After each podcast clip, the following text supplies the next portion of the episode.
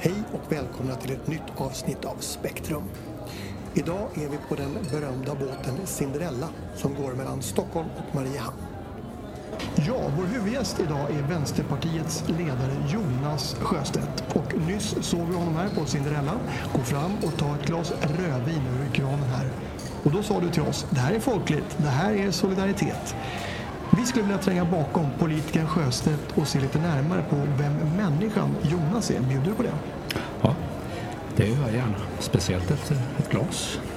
Trevligt, vad bra. Du växte upp i ett ganska välbärgat hem med högutbildade föräldrar. Men tidigt så fick du utpräglade vänsteråsikter. Hur gick det till? Jag är född och uppvuxen i Västernorrland. Och jag kände mycket tidigt att jag ville klara mig själv. Jag reste och jobbade. Jobbade och reste. Och reste och jobbade.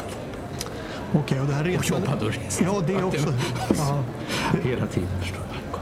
vad spännande. Vilket, vad spännande. Men du, resandet fick dig att se hur världen såg ut, va? Ja, bortom trygga Sverige och bortom trygga Västernorrland. Eh, Du Jag hamnade... reste och jobbade hela tiden. Hela tiden, ja. ja. Eh, du hamnade ju som ung kille bland annat i Danmark i slutet av 70 början av 80-talet där och nu får du rätta mig om de här uppgifterna är felaktiga men en dansk journalistkollega som jag träffade i vintras i Köpenhamn sa att du var faktiskt, hör och häpna, nära att bli gladporrstjärna när det begav sig. Nej, det stämmer inte. Kanske jag skulle önska att det var så ibland. Men jag, jag var fattig utan pengar. Jag, jag var där i Köpenhamn. Det är riktigt. Hjälpte till med produktionerna för att försöka försörja mig. Så där har din kollega rätt. Jag hade mindre lön än en undersköterska. Men filmstjärna, det var jag inte. Nej. Det var Ole. Det var Ole som var stjärnan. Ole Söltoft menar du antar jag ändå? Ja. ja. Han är känd dansk gladporrstjärna. Du, vad var din funktion då? Jag hjälpte till med mycket. Utanför bild, höll i möbler. Gjorde han. Varsågod. Ja, ibland riskerade Marie Ekorre att glida ner från sängen. Och då höll jag madrassen. Och det var så i tvillingarnas tecken, i tjurens tecken, i skorpionens tecken och i skyttens tecken. Då gladporrstjärna, idag undersköterska. Ja, men det var skillnad mot dagens pornografi. Det står skillnad. Männen och kvinnornas ansikten filmades lika ofta. Kvinnan var inte alls objektet som idag. Männen var ofta fumliga, töntar som lockade fram skratt. Det låter nästan som att du saknar gladporren. Ja, den var annorlunda. I filmerna så var det så att det inte bara var de rika, inte bara de välutrustade. Och du förstår vad jag menar. Alla fick komma till i filmerna. Det är demokrati och det står vi för i Vänsterpartiet. Mm. Men du, gladporren gick väl lite i graven när Olle Söltoft bestämde sig för att sluta? Och han ville oss emellan att jag skulle efterträda honom. Men plötsligt fanns det inga pengar. Statliga bidrag drogs in och privata intressen tog över. Vinsterna från tjurens tecken gick till skatteparadis istället för att återinvesteras i produktionen för lejonens tecken. Okej, men du, hur tror du att den här tiden i Köpenhamn påverkade din I tjur, i tjur, i tjur. Jag korrigerar. Ja. Jag säger att vinsterna från lejonens tecken gick till skatteparadis istället för att återinvesteras i tecken. Aha, okej, bra, tack. Du, hur tror du att tiden i Köpenhamn då påverkade din tid som montör på Volvo lastvagnar? Ja, den frågan har jag fått förut. Jag tog säkert med mig en del. Men det vill jag behålla för mig själv. Okej, men det låter nästan som, som att du är en ambassadör för gladporren här. Kan den komma tillbaka idag, 2016? Som kanske den viktigaste valfrågan för Vänsterpartiet 2018 om jag skojar till det lite. Vinster i välfärden kommer alltid vara nummer ett för Vänsterpartiet. Sen kan vi diskutera andra saker som fler bostäder, bygga ut järnvägarna, förbättra asylrätten, brunkolet och återinföra, kanske, gladporr. Okej, vad bra. Du, tiden rinner iväg och jag ser att din kollega Ulla Andersson står här och stampar. Jag vet att ni i styrelsen i Vänsterpartiet har kongress här på eh, Cinderella. Men eh, tack för att du ville vara med. Ja, det var kul. Tack.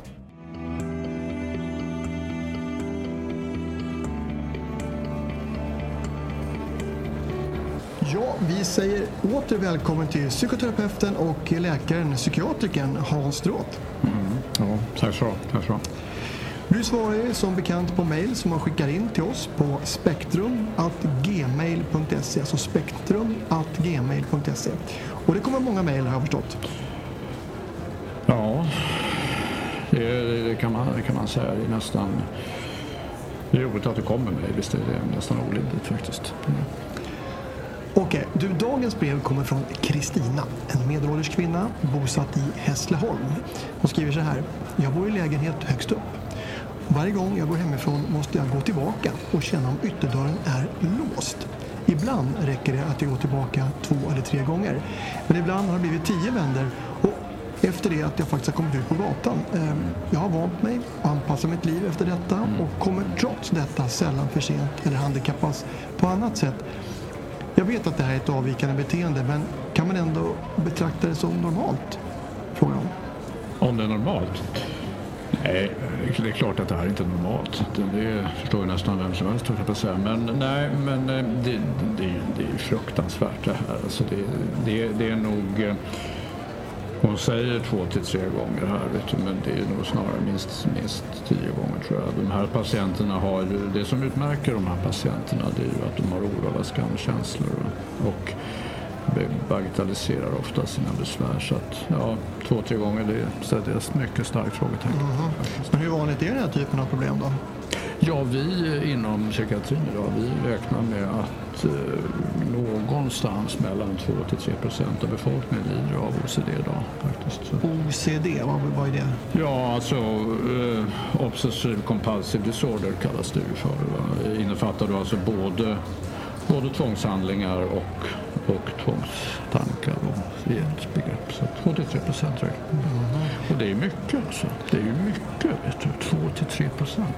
Ja, jo det är klart. Och det måste ju vara väldigt plågsamt för de här människorna. Som... Ja, ja, ja, ja, ja det, det, det, kan ju inte som mest bisarra uttryck. Alltså, jag har ju för närvarande en, en patient med eh, ja, panisk rädsla, skulle jag vilja uttrycka det, för, för smuts och bakterier och sånt där. Jaha. Vad får det för konsekvenser då? Som... Ja, han står i duschen hela dagarna stackarn. Alltså, hudkostymen eh, när han kommer på besök, han blir helt, blir helt uttorkad alltså. Och, eh, eh ja, han är tvungen han kan sitta max två minuter och prata, sen måste han gå och tvätta sig för att tro att det är någonting där. Och, eh, ja, han ser ut som ett russin alltså. Jag skulle återgå till Kristina här och hon skriver att hon eh, läst på lite själv om behandlingsmetoder och hon skriver så här att en utväg som hon har läst om det är att göra realistiska bedömningar. Eh, som ett citat, antag att jag faktiskt glömde att låsa ytterdörren idag. Hur stor är risken att någon försöker göra inbrott hos just mig? Ja, men det beror på var hon bor någonstans rimligen. Alltså det är, är det ett socioekonomiskt är det ett socioekonomiskt utsatt område där de bor? Säger de någonting om det, det, det framgår inte av det här mejlet. Nej, nej, nej, frågorna är många och svaren är få som jag brukar säga. Det, det, eh, jag fick en fråga av en bekant förra veckan, eh, ja, på privat plan då, så att säga. Han frågade mig Hans, eh, vad ska man göra av sitt liv? Han var väldigt och sådär. Vad svarar man på det? Vad svarar man på det? det och om vi går tillbaka till det här med Kristina. Du bedömer att det här, alltså det här med realistiska bedömningar, det tycker inte du är en lösning. Men, men vad kan hon göra då? Ja, vad kan hon göra? Vad kan hon göra? Ja, hon kan ju... Eh, ja, hon kan ju installera ett larm till exempel. Eller kanske be grannen, som hon har bra kontakt med grannarna, det vet inte jag. Men om hon har det så, så kan kanske grannen gå in och kontrollera dörrhandtaget då och då. Jo, men det hjälper väl inte mot själva tvångshandlingen? Nej, nej, nej, det är klart det inte gör det. Men vad ska man göra? Vad ska man göra? Det, det är kanske bättre det än att ha ångest 24 timmar om, om dygnet. Jag inte. Kan man jobba med kognitiv beteendeterapi för en sån här sak? Möjligen i tidigt skede. Men vad jag förstod här så hon har hållit på rätt länge med det här. Vi ska se. Ja, vi ska se. Det står så här. Tror Besvären har kommit och gått under cirka 20 år. Ja, ja du, du ser. Du ser. Nej, det verkar ju, jag menar, när man är liten vet du, tänker man ja, nu, hur ska livet bli egentligen? Då tänker man då. Men, men, och sen slutar det med att man springer och rycker i dörrhandtagen hela tiden. Det, ja, det är fruktansvärt det här alltså. Det... Men vart vänder man sig med sånt här då? Vart man vänder sig? Ja, Ja, man kan i princip vända sig nästan var som helst med det här. Alltså det spelar ju ingen roll för att det kommer ju inte bli några spontana glädjeyttringar från hennes sida var hon än vänder sig så kan jag säga. Men någonting att prova borde väl ändå finnas? Ja, i tidigt skede kognitiv beteendeterapi, ja, som jag sa. Va? Och kanske eventuellt också en tvångs eh, antidepressiv. Men eh, nu, nej. Nej, alltså människor tror ju ofta att det finns quick fix och lösningar på allting men det, det gör det inte alltid. Man får helt enkelt, nej.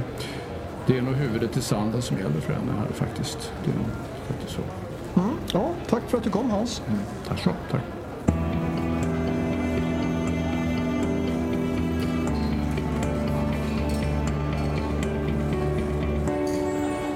Då ska vi se vad vår ständige krönikör Claes Gern har på hjärtat idag. Idag tänkte jag att ni skulle få följa med lite grann ut och gå här runt Karlaplan. Det är ju trevligt. Och eh, ja, jag försöker hålla uppdaterad, så är det.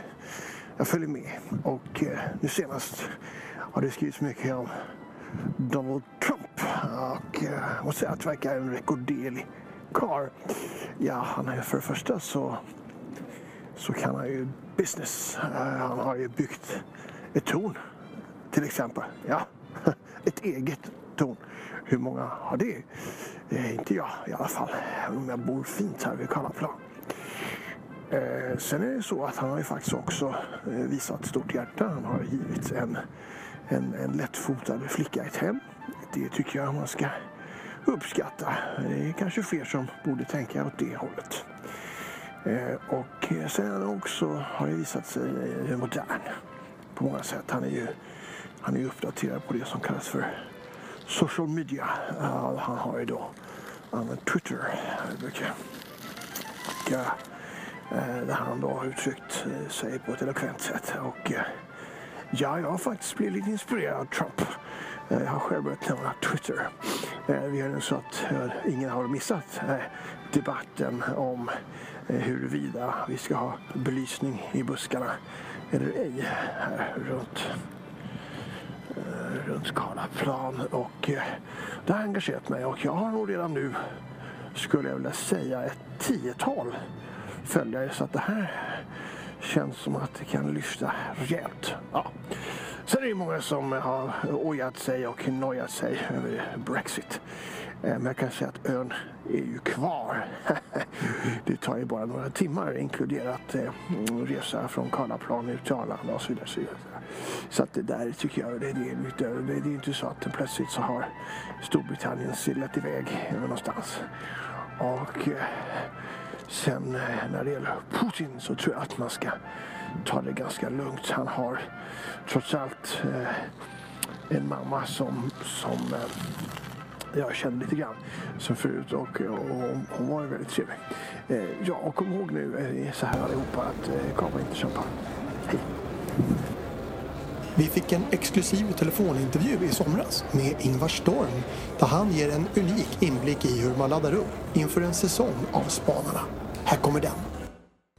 Välkommen Mike till Spanarnas möte.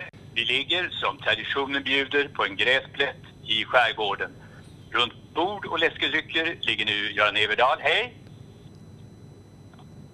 Eh, Jonas Hallberg, hej.